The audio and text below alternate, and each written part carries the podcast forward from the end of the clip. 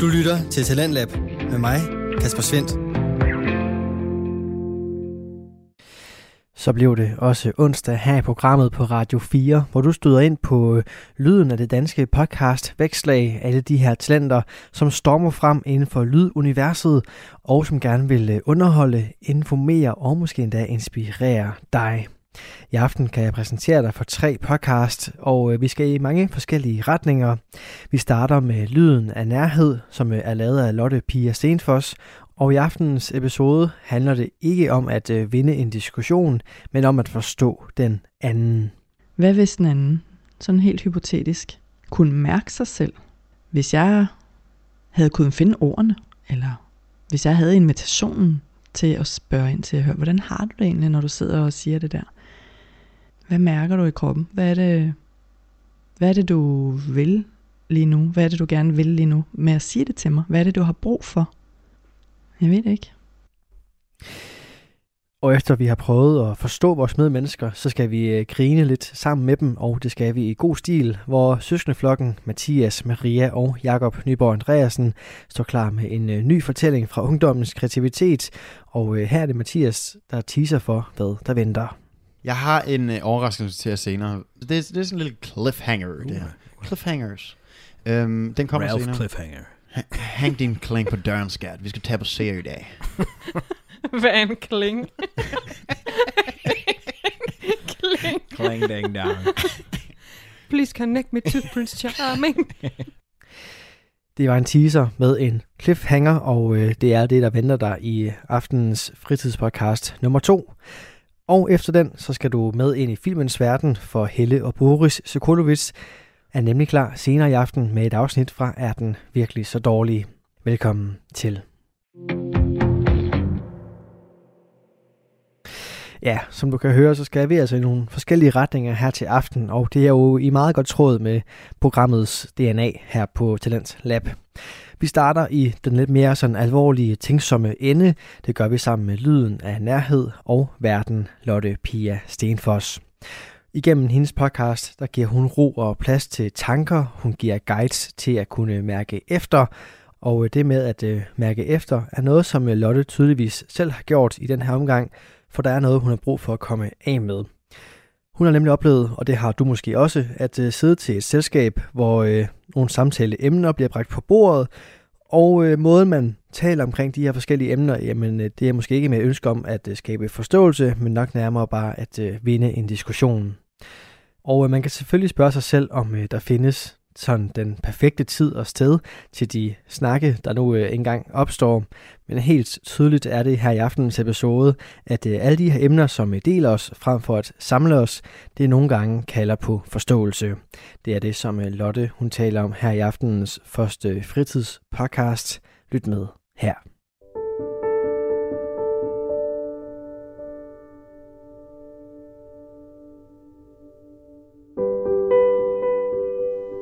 Vi mennesker, vi er skabt til at være i forbindelse med hinanden og med os selv og med livet. Her dykker jeg ned i neurobiologien, i vores nervesystem, i livet og relationer, kærlighed og alt muligt andet. Lyt med. Jeg er din vært, Lotte Pia Stenfors, og det her, det er Lyden af Nærhed.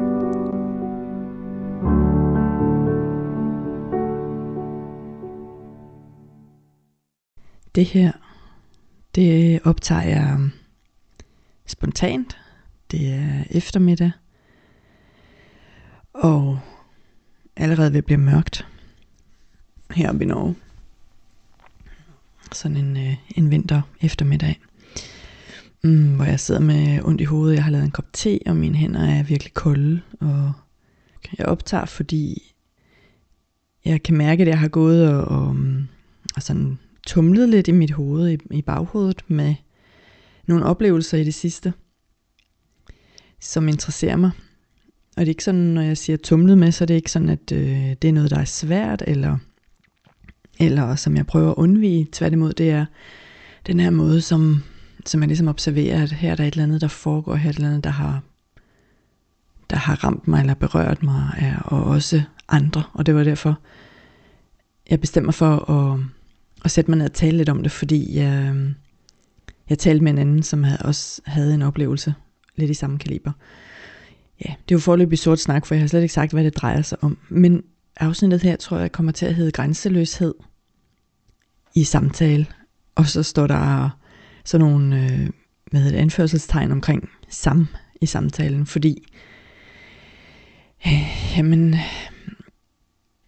de her seneste par år, hvor vi er i den øh, globale situation, vi er, så synes jeg, at jeg oplever mere og mere sådan nogle samtaler, som ikke er samtaler, men hvor, hvor nogen taler hen imod mig, eller hen over mig, eller oh, hvor jeg sidder tilbage med, eller sidder undervejs med sådan en fornemmelse af, at jeg lige så godt ikke kunne eksistere eller være usynlig, fordi den anden sådan set bare bruger mig som sådan en væg og smide sine ord hen på. Jeg kan godt mærke, at jeg bliver lidt stresset eller sådan nervøs, når jeg siger det højt, men, men det er ikke, jeg siger det ikke og optager ikke det her for at lave en masse bedømmelse. Jeg har lyst til at undersøge lidt omkring det. Det her med, at vi tillader os at være grænseløse i noget, der skulle være samtaler, faktisk. Ja, så det er rammen for, for hvordan jeg starter i dag. Og jeg skal lige ret på min mikrofon, kan jeg mærke, for jeg sidder og spænder i min nakke. Sådan, så er det lidt bedre. Som I ved, fordi jeg har sagt det før, og så det her med, når jeg taler om temaet grænser, grænser og behov, som er to sider af samme sag, så er det blandt andet sådan noget som det der med at kunne mærke, at nu var der noget, der skulle justeres. Sådan at jeg havde det lidt bedre, sådan at jeg havde det mere behageligt, kunne være mere, hvad skal man sige, i, i en god ligevægt. Øhm, sådan at der er lagt til rette for, at jeg ligesom kan være til stede i det, jeg oplever lige nu. Og det er ikke fordi, det er sådan et, øh, et perfekt ideal, som man skal opnå, det der med tilstedeværelse, fordi det vil være svingende, men mm, jamen, jeg tror fordi, ja, nå, det behøver jeg ikke mig ind i, men i hvert fald, så, så lige nu det der med, at jeg kunne mærke, at min nakke gør altså ondt, når jeg sidder med mikrofonen lidt for lavt, så nu justerer jeg det lige. Det er en justering. Det er en, en, et eksempel på, at man finder ud af, hvad skal der til, for at jeg kan, øhm, kan engagere mig i det, der foregår lige nu.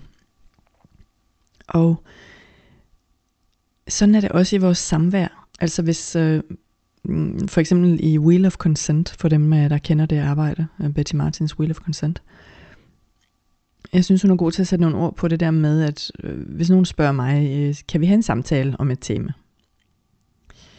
Øh, og ja, det er corona og alle de der ting, som er, t- er det samtale-tema, som jeg oplever lige for tiden. Så hvis nogen havde spurgt mig, kan vi have en samtale om corona? Det spørger de så ikke om på forhånd. det gør vi jo ikke tit. Men måske skulle vi det nogle gange.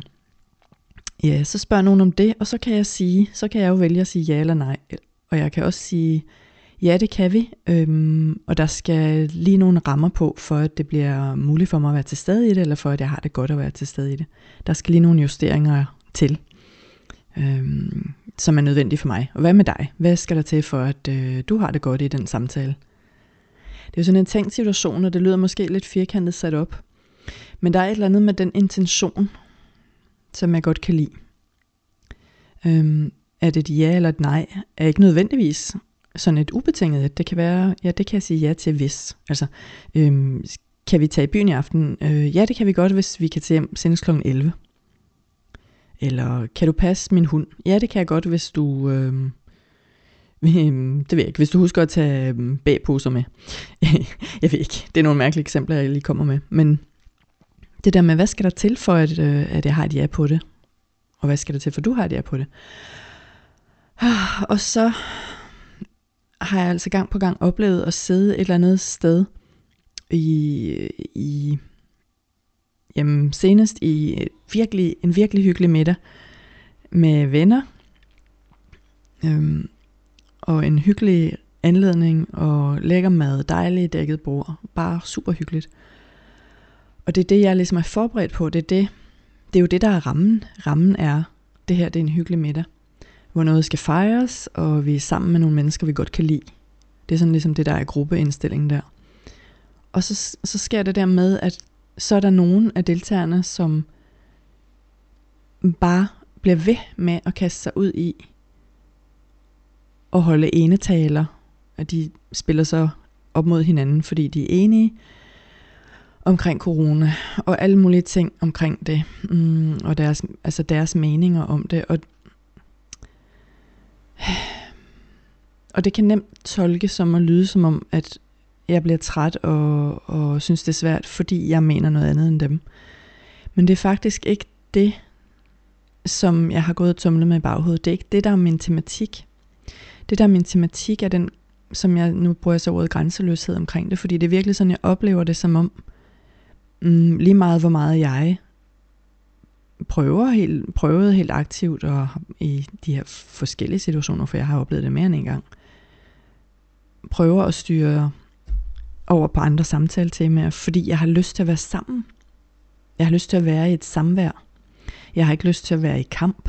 Der er ingen, der har tjekket med mig, om jeg er okay med, at vi skal have det tema time efter time, eller hele aften, eller der er ingen, der har tjekket, om jeg er okay med at bare skulle sidde og ligesom være, øhm, hvad bliver det, jeg skal bare ligesom sidde der som sådan en passiv lytter, mens de snakker løs med deres meninger om det her tema.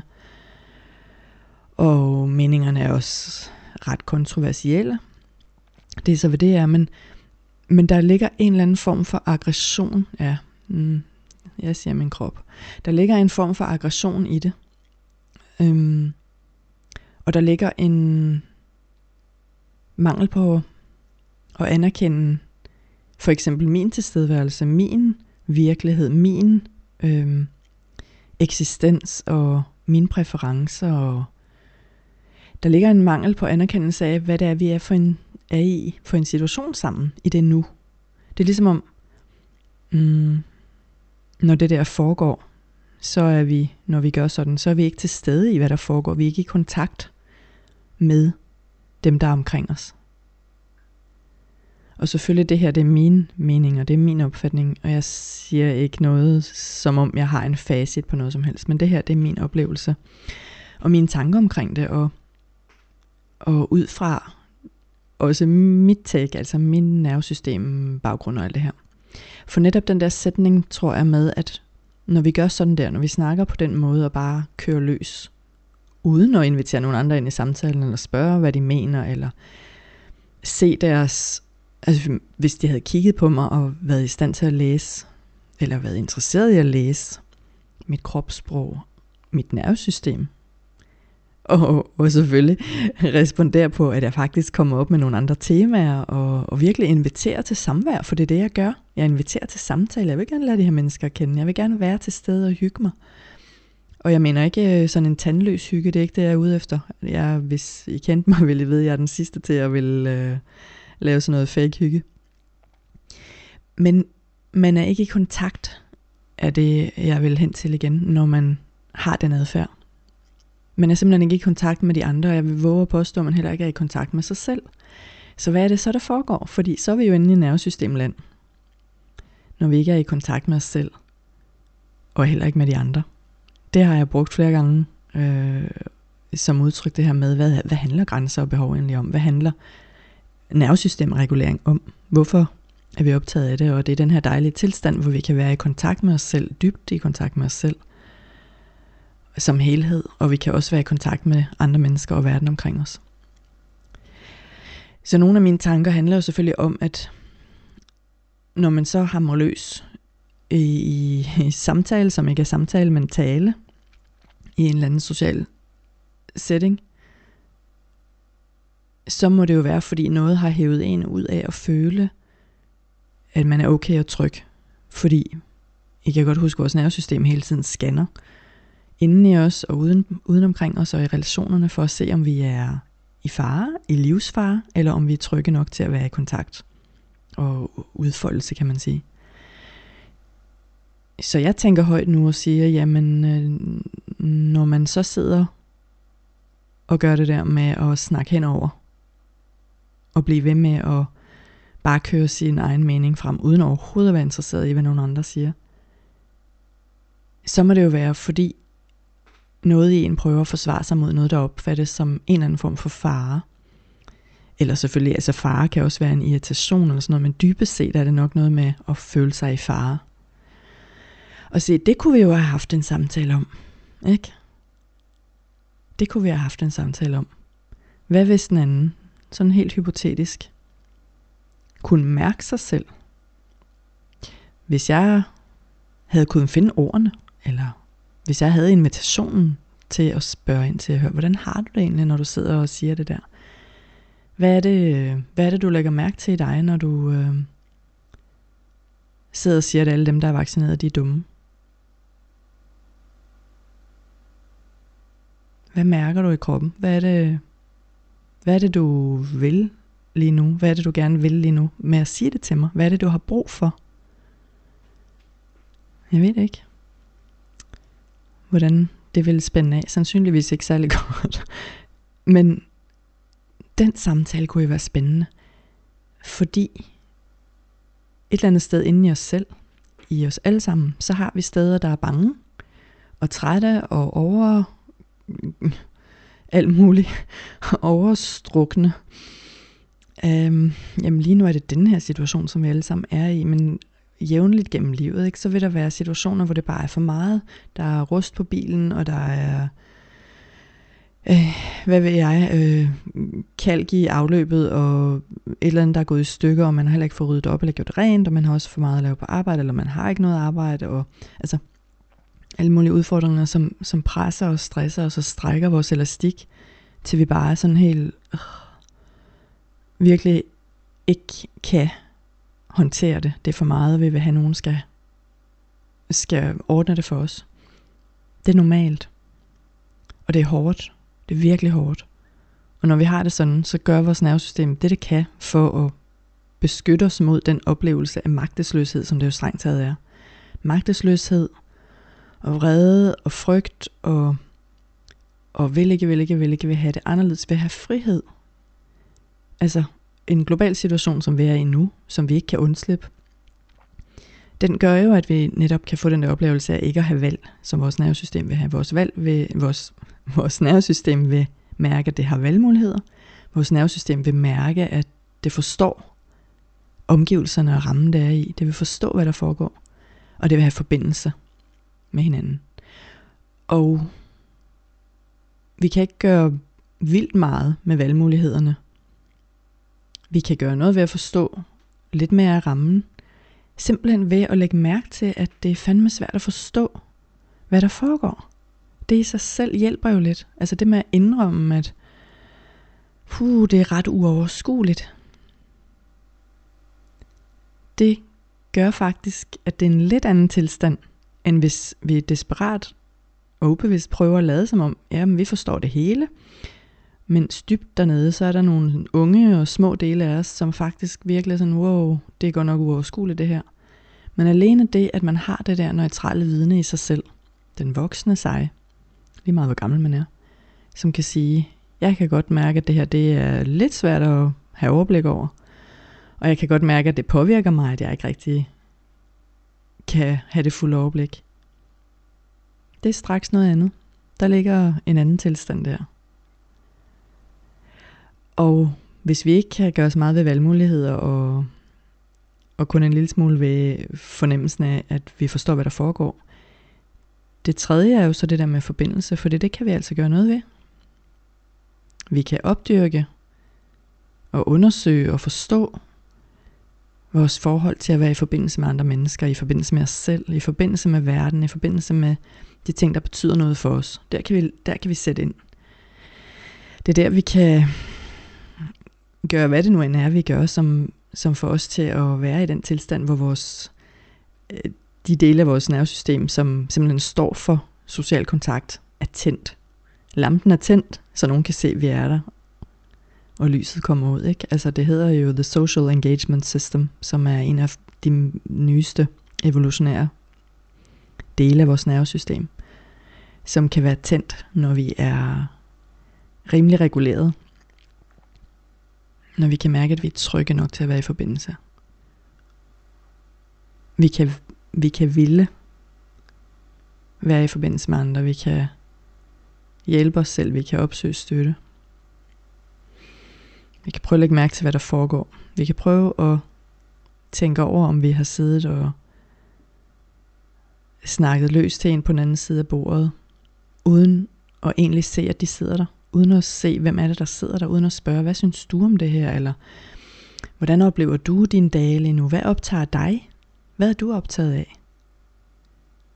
Vi kan prøve at spørge os selv, mm, hvad er det, der gør, at jeg har så meget behov for at sidde og, og sige alle de her ting meget, meget højt, og som om de var en sandhed. For det er de ikke, folks. Den her stærke, stærke polarisering, mm, det i sig selv fortæller, at ja, den er ikke helt god. Selve det at sætte tingene helt sort-hvidt på spidsen og trække fronterne op på den måde, er jo sådan en ting, som vores nervesystem gør, når det er når det er børnedelene, kan man sige, som er i gang. Det er sådan, et, et barn vil tænke, for det ikke kan andet. Det er en del af vores kamp, kampflugtsystem tit. Med at sige, det er aldrig eller altid. Vi ved jo godt, at som regel findes der flere sandheder samtidig. De kan da virke, som om de er i konkurrence med hinanden. Så når man mærker sig selv være meget sort-hvid, meget absolut, meget dogmatisk om noget, men så fortæller det noget om, at vores nervesystem er i en tilstand, hvor det ikke føler sig trygt. Kan vi pause der? Kan vi gøre noget for at regulere lidt?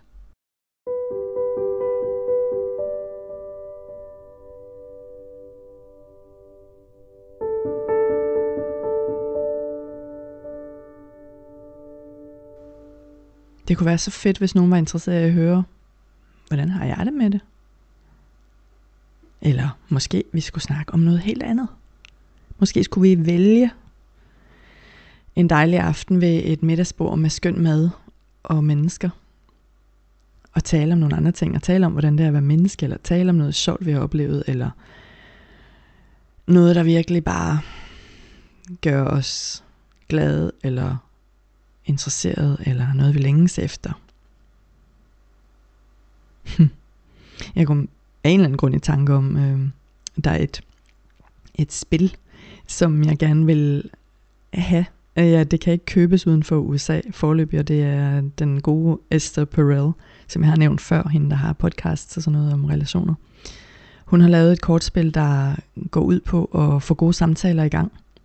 Jeg vil så gerne have det kortspil. Jeg ved, kalder hun det Where Do We Begin, eller sådan noget, eller er det hendes, øh, en af hendes podcasts hedder Where Do We Begin. Det, dukkede, det billede dukkede bare op i mit hoved nu, det der med samtale samtalestarter, og netop samtaler, som kan nære den her følelse af at være i kontakt med hinanden. For det kommer vi jo, når vi har den rigtige øh, kombination af åbenhed og beskyttelse, kan man sige. Vi skal være tilgængelige for kontakten, vi skal ikke være ubeskyttede sådan at andre kan vade hen over os, eller at vi bliver fuldstændig smadret, når andre afviser vores øh, rækken ud. For det er jo også et stort tema. Og et, som jeg personligt arbejder med og har gjort i mange år, det her med at, at virkelig være vågen på, hvem der skal have adgang til mine tanker, til mine meninger, til mine følelser, til mine oplevelser, mit liv. For grænser handler om så meget mere end adgang til vores krop, eller vores tid, eller vores penge. Det handler også om adgang til, hvordan vi oplever ting, vores, vores følelser, vores øh, meninger. Og den anden vej også, ikke? Som er det, jeg har talt om i dag. Vi, har, vi skal altså også passe lidt på, at vi har nogle grænser, så vi ikke vader hen over andre mennesker med vores meninger. uh,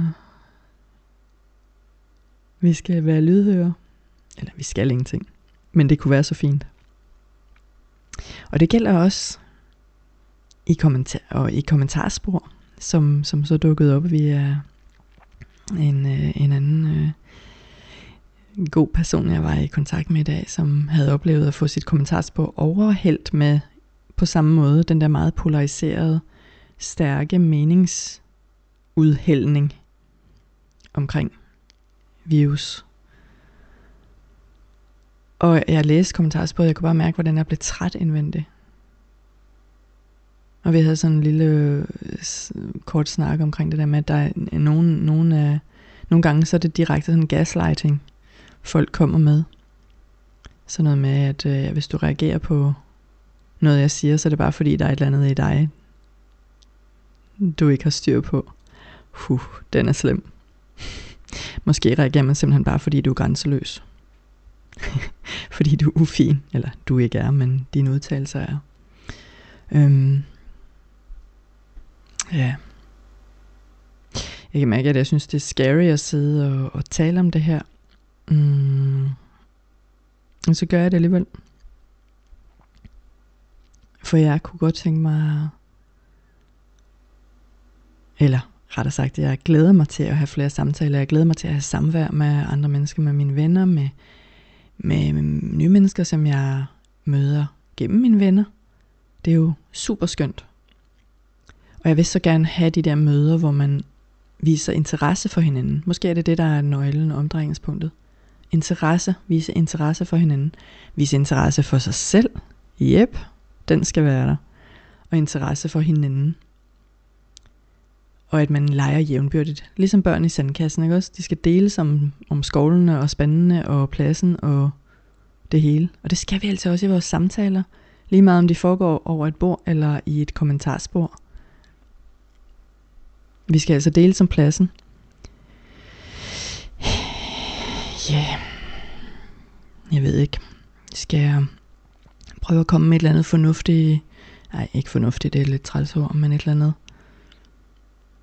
et eller andet godt at, at lande i, på en eller anden måde.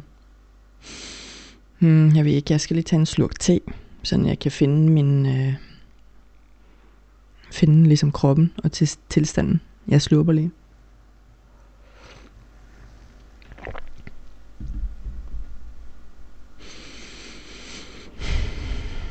Jeg kan jo spørge, som jeg tit gør. Hvad lægger du mærke til, mens du lytter til det her? Hvad lægger du mærke til i dine samtaler? Fortæl, hvordan du har det med noget. Ikke dine meninger om, hvad sandheden er. Men hvordan har du det med, med situationen eller med sådan nogle samtaler? Hvad foregår der i din krop? Hvad mærker du i din krop og din følelse i de her dage og tider? Hm. Og hvordan øh, kan du lide dine samtaler? Hvordan prøver du om at holde balancen og mærke både dig selv og den anden? Og lave plads til at begge to. Så det virkelig bliver en samtale. og så glæder jeg mig til at sidde omkring et bord og have nogle gode samtaler. Jeg håber, det giver mening, noget af det, jeg sagde. Og tak for, at du lyttede.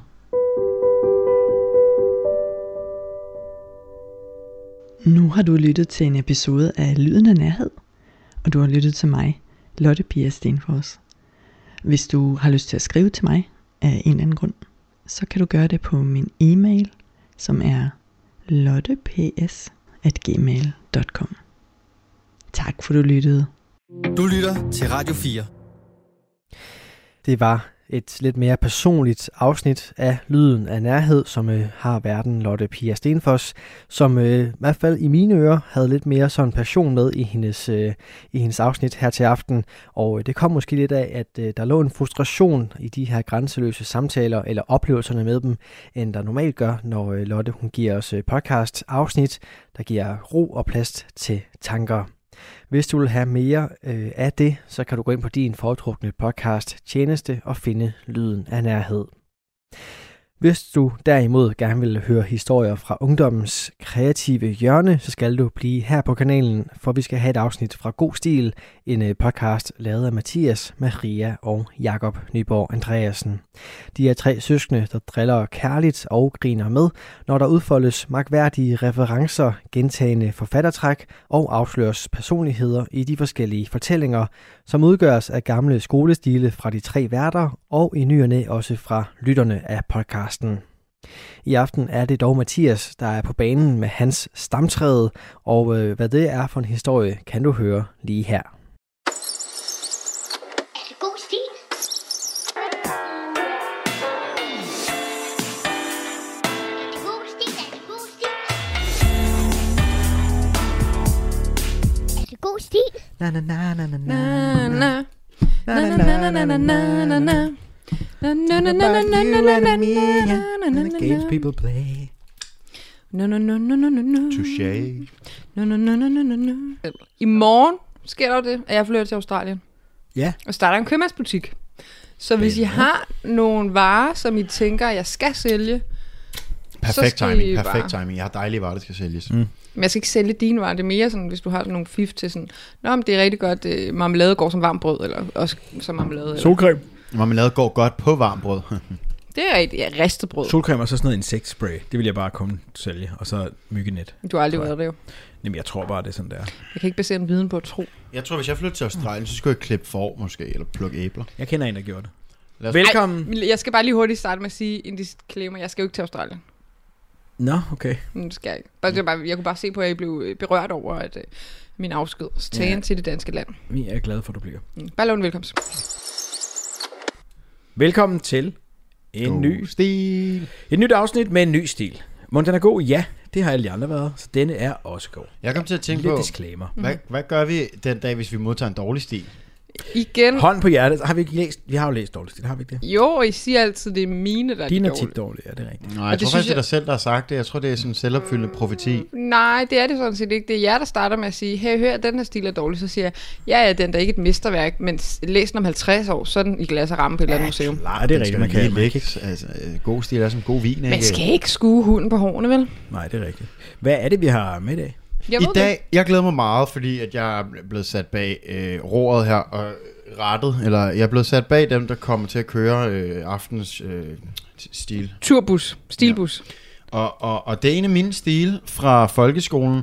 Jeg gik i 7. klasse på det tidspunkt. Mhm. Ja. Øhm, Hvornår er vi? Vi er... Åh, det er et dejligt stilår. Vi har haft en del øh, stil med øh, fra samme år. Mm. Øh, samme område også, så man kan... Samme område. Samme område, det plejer man jo at sige om sådan nogle vine. Så altså, Nå, alle de her stil har jeg skrevet i Albertslund. Øhm, Nå. det, mm, Ja. Det er, mm. Hvilke år er vi? 2005. 2005. nej. 9 er vi. 2009. 2009. 5 er vi ikke i. 2009, det er 12 år siden. Nu. Mm. Ja, jeg gik ud i 11. En verden, der Jeg var kendte til 14 år gammel. eller noget som helst. Jeg var 14 år gammel. Mm-hmm. Shit, hurtigt var. Aldrig har jeg hørt noget. Hvad er der ellers hurtigt. skrevet i det år? I, I det år er der skrevet, alle husker vel Stonehenge Mountain. Ja, Mm, Med spejderne, der kom ud og fandt Ja, ja, dem i, i, i, hvad hedder det, i, i buskaget i skoven. ja, ja. Drengebanden, Åh, oh, klassiker. var også En meget, en meget sådan, øh, en fortidsskuende, fremtidsskuende hedder det vel, fordi det var dem, der kastede sten ud over broer. Ja, det gør de jo i hobetal i Sverige nu. Ja, desværre. Men, men Mathias, den har du jo ikke skrevet. Jo, Stonehenge og Drengebanden. Du har ikke skrevet strengbanden. Jeg har skrevet den også. Nej, Nå. det er Cecilie Poulsen. Så er det løgn, det jeg siger. Ej, hvor vildt. Jeg har set, hvor jeg har skrevet. Men det siger du hver gang. Gør jeg? Ja, det er. Og så er der Hjertet af Christine Ries. Den har du heller ikke skrevet. Nej, jeg sagde Christine Ries. Okay, Jeg godt. sagde en Jeg synes, den rigtige forfatter må nævnes, øh, og det gør jeg altid. Men- I Okay, ikke noget. 2009 sker der nogle helt vilde ting. Uh. Altså, Uh. det er et begivenhedsrigt år. Øh, en en, en øh, stor personlighed dør øh, internationalt. Michael Jackson? Ja, Yes. det er rigtigt. Ved du, hvor gammel han blev? 47. 49. 50. Ah. Ved I hvad, den her, jeg tror en. faktisk, vi har haft den her før, men det er altså også en begivenhed, der godt lige Du må har bare gentages. googlet, og så har du bare gået på øh, Wikipedia. Jeg har bare taget dem fra den af. Ja, nej, vi må nej, godt nej, nå... Jeg er gået igennem det. Den her er der meget få, der ved. Jamen, den der tror jeg, vi har nævnt før med Ja. MG. Jamen, så tager vi en MG ny. Den kalder jeg her, ham. den her, den er Kalder du spændende. Øh, overskriften er, I gætter den ikke, Mhm. overskriften er fed ballonløgn. Jeg læser den lige op for jer, hvad det går ud på. Hvad tror du, det går ud på? Mm, En, det er en fed ballonløgn. jeg tror, det er nogle damer, som har brugt øh, ballonger som bryster, og så er de blevet bustet i det, eller sådan noget. Det tror jeg ikke. Jeg tror det er noget andet. Jeg læser op. Da en stor ballon den 15. oktober angiveligt bare en lille 6-årig dreng løb nyheden straks verden rundt. No.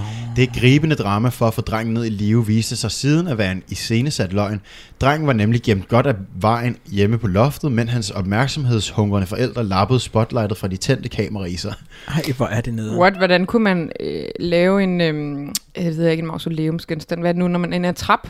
Ja, jeg tænkte også, hvordan laver jeg sådan et øh, skal han, være, fuglegenfærd? skal han være okay langt væk, før folk tror, det er ham? Ja, man må kunne zoome ind og se, nå nej, det er ikke en dreng. Jamen, Ja. ja. med mindre de har stjålet et andet barn og sat ham i hans sted. Ja, nå, det var den anden. Så er vi ligeglade. Men, men noget helt andet. Hvorfor gemmer de ham på loftet? Det ved jeg ikke. Altså, det, det, jeg ved ikke, hvordan er det sådan noget. Münchhausen? Ja, by proxy. Bortset fra, at de så ikke skader ham. Eller måske kommer han til skade på loftet. Det tror jeg helt sikkert. Ja, de, de, De, de mentale medicinerer. er der nok masser af, hvis dine forældre... Hvor sker det her? Altså. Er det i Danmark? Det står der faktisk ikke. Det synes jeg er lidt relevant. Frankrig, vil jeg sige. Ej, det er lidt ligegyldigt, det står der ikke. Nå, men jeg synes, mit gæt med ballonbrysterne også var et godt gæt. På det her Tæt på. tidspunkt, der er der et andet øh, kendt dansk øh, kendispar. jeg ved ikke, om man...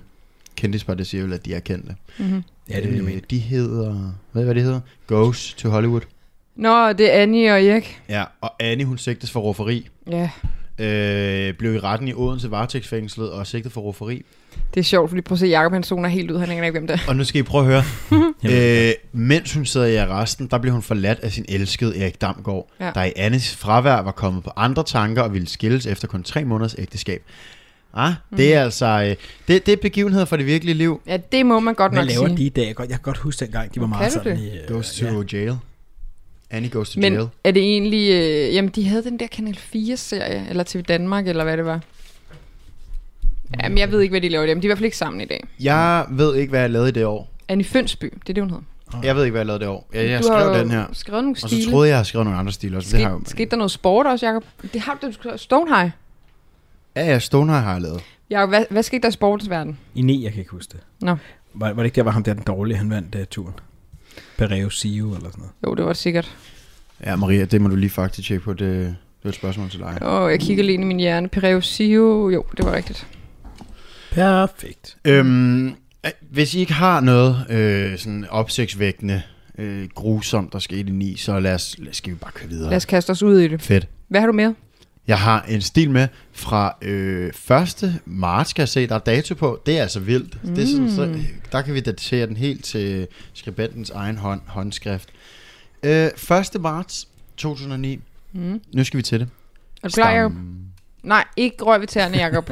Nej, sprit igen, sprit igen. Hvis hånden skal ned i chipsene. Vi sidder lige og får nogle dejlige chips. Jakob han sidder typisk på den ene fod, øh, som han så får nudret med, med, hvad vi andre vil kalde chipsehånden. Den bruger han så i mixet mellem øh, fod og chips. ikke putte det ind i øjnene. Nu spritter han på hånden, og så putter han hånden Nej, i jeg røg med øjnene. brille, fordi jeg Nå. sådan har fået duk. Der Nå. er skide ham det varmt den. Altså. Ja, så jeg forgå, altså. Ravl og krat forgår. Det er sådan, man siger. Åh, det siger man. Nå. Vi er klar til Nå, stil. nu skal vi høre noget rigtig godt. Stamtræet. Det god stil?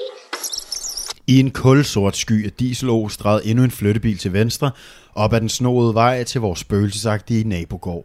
Bilen forsvandt mellem alléens træer, og jeg bestemte mig for at møde de nye naboer.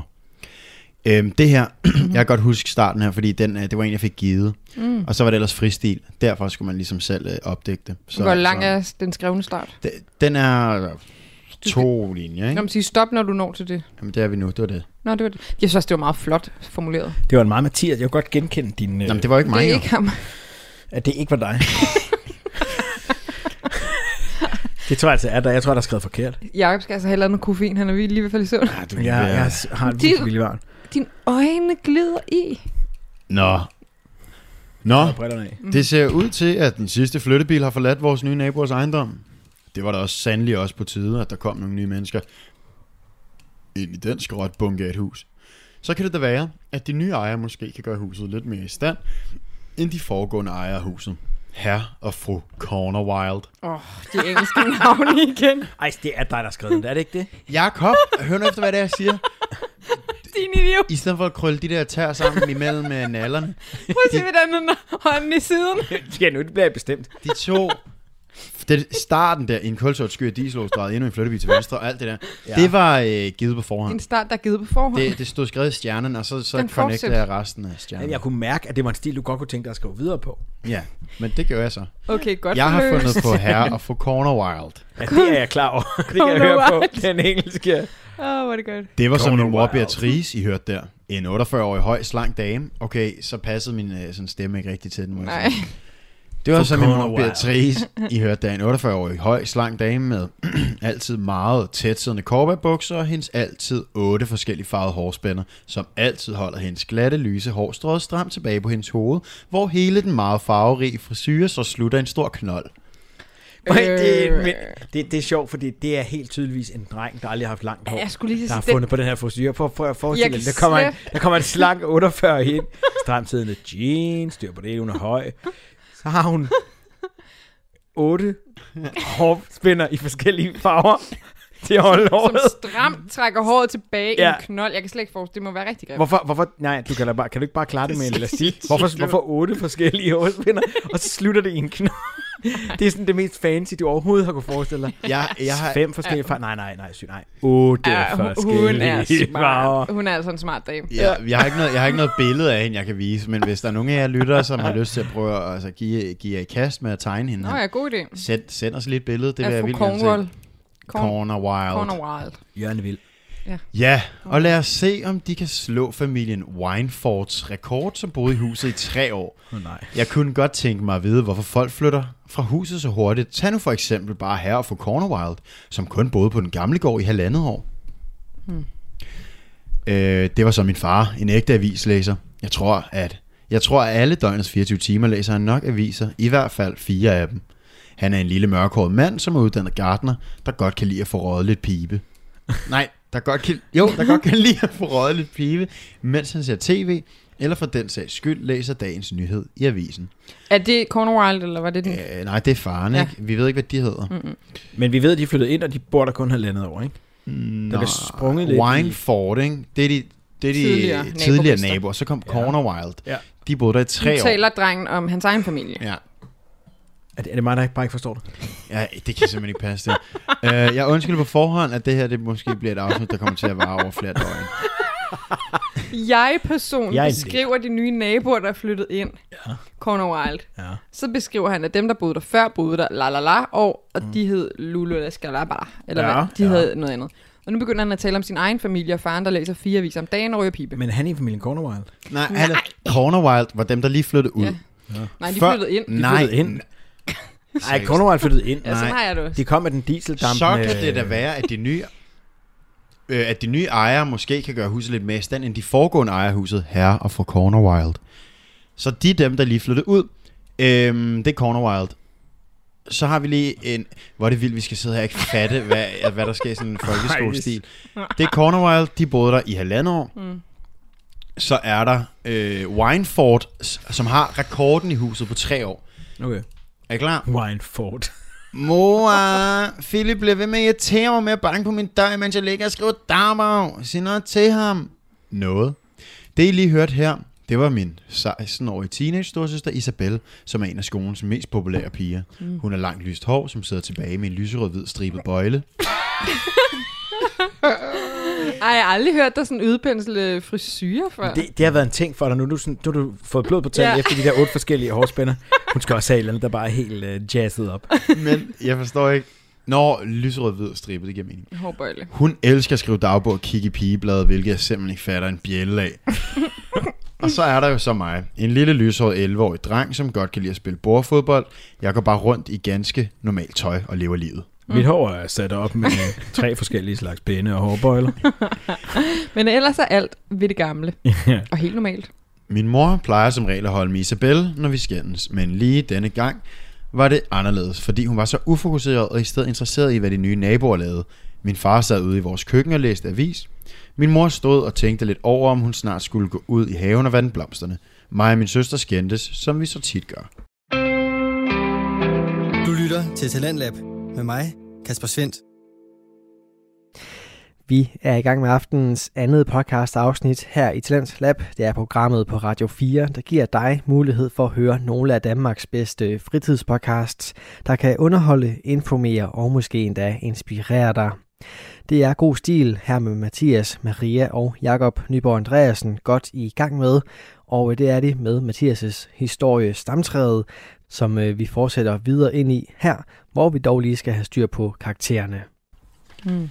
Beatrice, skal vi ikke gå hen og byde vores nye naboer velkommen? Jo, det kan vi da godt gøre. Så må blomsterne bare vente til i morgen. Det var ikke første gang, min mor og far havde budt folk velkommen på vores nabogård. Jeg tror, at dette par måske var nummer 9, eller sådan noget. Er, er det ham her, Philips mor, der hedder Beatrice? Ja, det må det være. Det, det, det, det er... det er hende med otte hårspænder. Ja, ja, ja. Beatrice, moren, ikke? Mm-hmm. Hvad hed faren? Det ved Det vi ved jeg ikke. men han læser mange aviser. Og Isabel er søsteren, og han hedder... Hvad var Philip. det? han? Philip. Nej, det er løgn. Ja, Philip, han er en helt normal 11 år. Var du sikker? Ja. Øhm, Nina, jeg ved ikke, hvorfor mit folk flyttede bare altid så hurtigt væk derfra. Det par, der havde boet der i længst tid, var parret før her og for Corner Wild, familien Wineford. Jeg tror, de boede der i cirka tre år. Det der har vi lige hørt. Ja, ja. Men det er jo absolut heller ikke særlig meget, hvis man tænker på, at jeg har boet her hele mit liv, og mine forældre har boet her i næsten 23 somre. Ej, nogle Mathias-sætninger. Var der Der kom frygtelig varmt herinde. Ja, helt vildt. Det var en varm septemberaften. Jeg var lige faldet i søvn til en film, der rullede over fjernsynsskærmen. Må jeg lige spørge om noget? Mhm. Hvem er det, der er flyttet ind nu?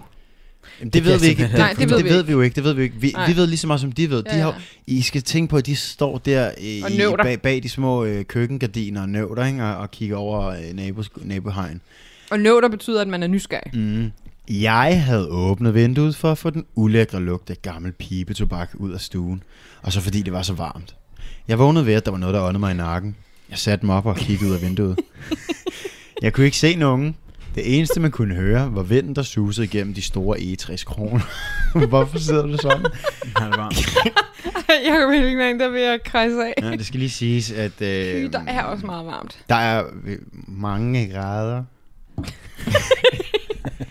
Åh, oh, det er så hot ind her. Jeg vendte mig om og så lidt mere fjernsyn, da der pludselig var noget, der rørte ved mine skuldre. Uh. Ved mine skuldre.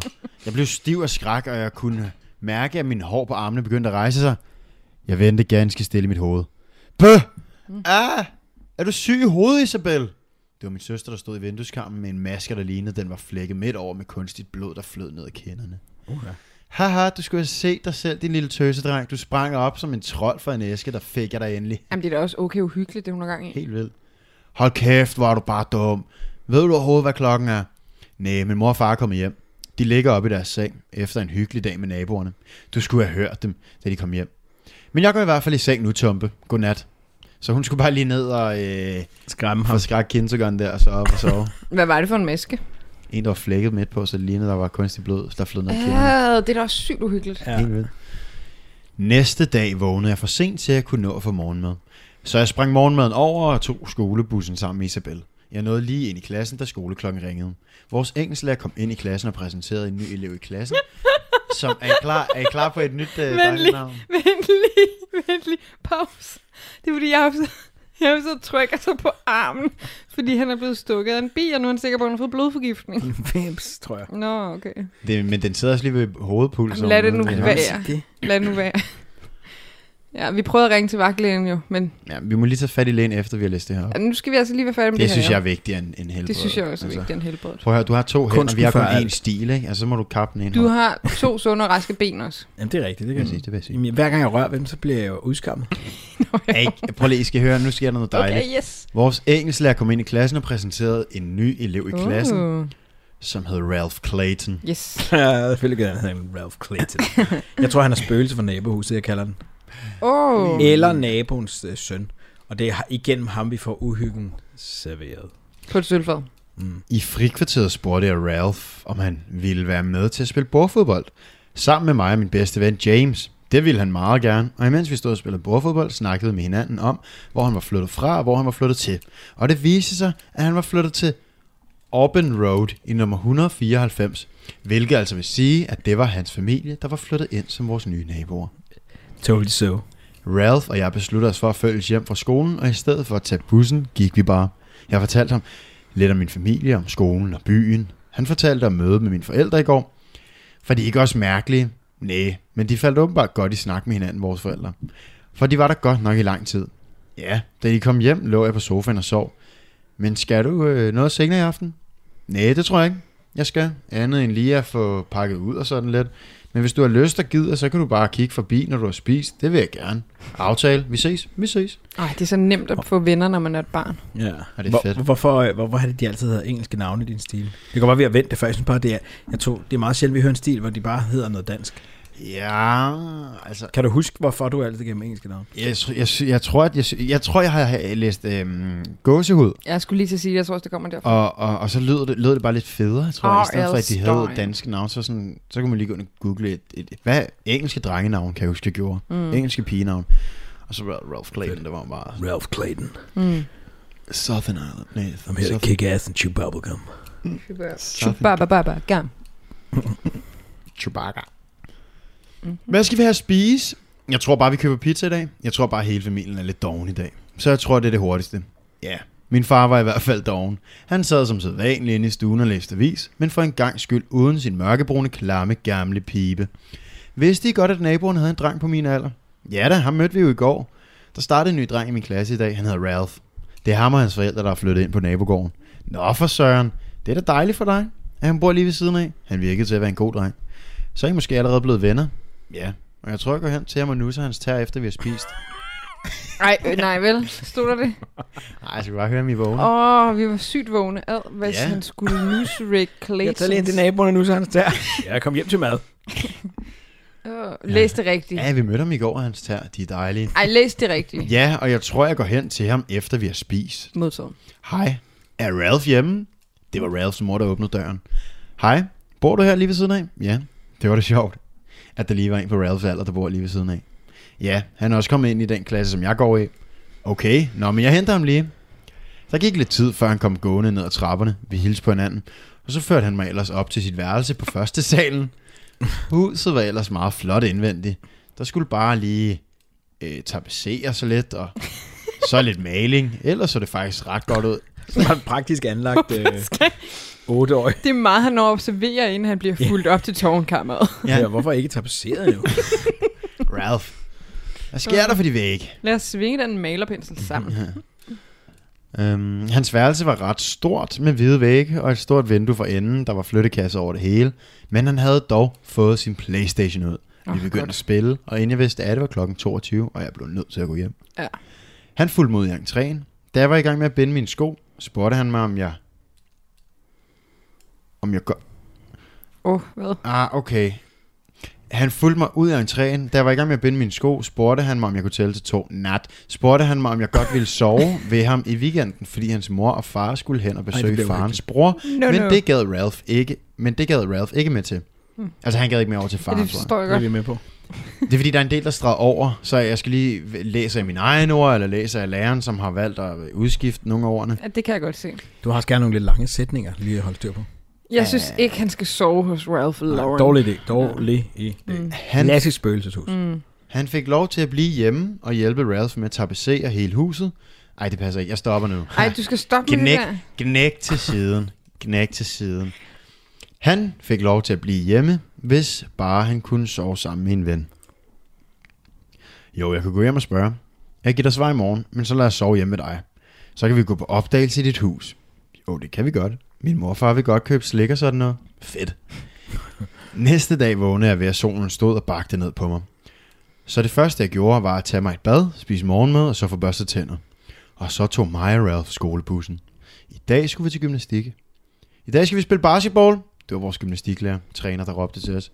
Vores gymnastiklærer er en lille pumpet, kaffelugtende, kraftig fyr, som elskede at koste rundt med os.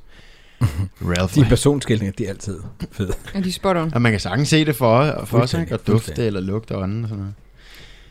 Ralph var helt vildt god til basket. Jeg spurgte ham efter timen, hvordan han kunne være så god. Han påstod, at det var fordi, han havde gået til det i to år, da han boede i England. Klassisk, der har vi det. Hvor må de bor nu? Mm. Han påstod. Det er, vel, altså, er det ikke noget, man som umiddelbart tror på? Hey, ham der, han er god til at spille basketball. Jo, jo. Hvorfor er du god til at spille basketball? Det er, fordi jeg har gået til det. I England. Ja, ja, ja. ja. Næste gang jeg spørger, så siger du sandheden. Ja, ja. Det vil jeg se, for jeg tror det. Ja, det har han lige gjort. Ja, det er rigtigt. For resten, så kunne jeg godt sove ved dig på lørdag. Fint, der kan jeg også godt. Men må jeg lige spørge om noget? Hvis, hvis det her ikke er England, det sker i, så er det lidt underligt, at alle dem, der boede der i huset før, også havde meget engelske navne. Ja, jeg ved ikke, om det er Amerika. Ireland eller Skotland. Ja, Irland eller Skotland, ja, eller... Eller Isle of Man. Wales. Ja. Jeg får en pebermynte dunst over hos mig. Du sidder spiser pastiller nu. Ja, jeg har fået den med Mathias. Spismønte. Mm. Okay, videre. For øh, endelig efter en lang uge med mange lektier, var det endelig blevet lørdag. Og jeg skulle overnatte ved, Ralph. Jeg går nu. Godnat. Godnat. Vi ses i morgen, skat. Jeg kan lige så godt sige, at der er to sider tilbage. Jeg har læst tre nu. Der er ikke sket meget, så det her det bliver en hurtig afrunding. jeg, allerede Men jeg har fortælle. slet ikke set, at du har bladret i de der papirer. Lige inden jeg tog væk fra Ralph, øh, da jeg havde sovet hos ham, så jeg et spøgelse. Jeg gik hjem. Slut. Jeg tror, det bliver sådan noget. Jeg gør det. Oh, irriterende. Radio 4 taler med Danmark. Og vi skal gøre plads til nyhederne her på Radio 4, men i time 2 af aftenens udgave af Talents Lab, der vender vi tilbage til god stil og øh, historien Stamtræet, som øh, Mathias her han øh, udfolder. Og så skal du også høre en episode fra filmpodcasten Er den virkelig så dårlig, hvor Helle og Boris Sokolovic mærker efter, om øh, de er enige med eliten eller pøblen. Det får du alt sammen efter dagens sidste nyheder fra vores egen cliffhanger, verdens bedste nyhedsoplæser. Hør med her.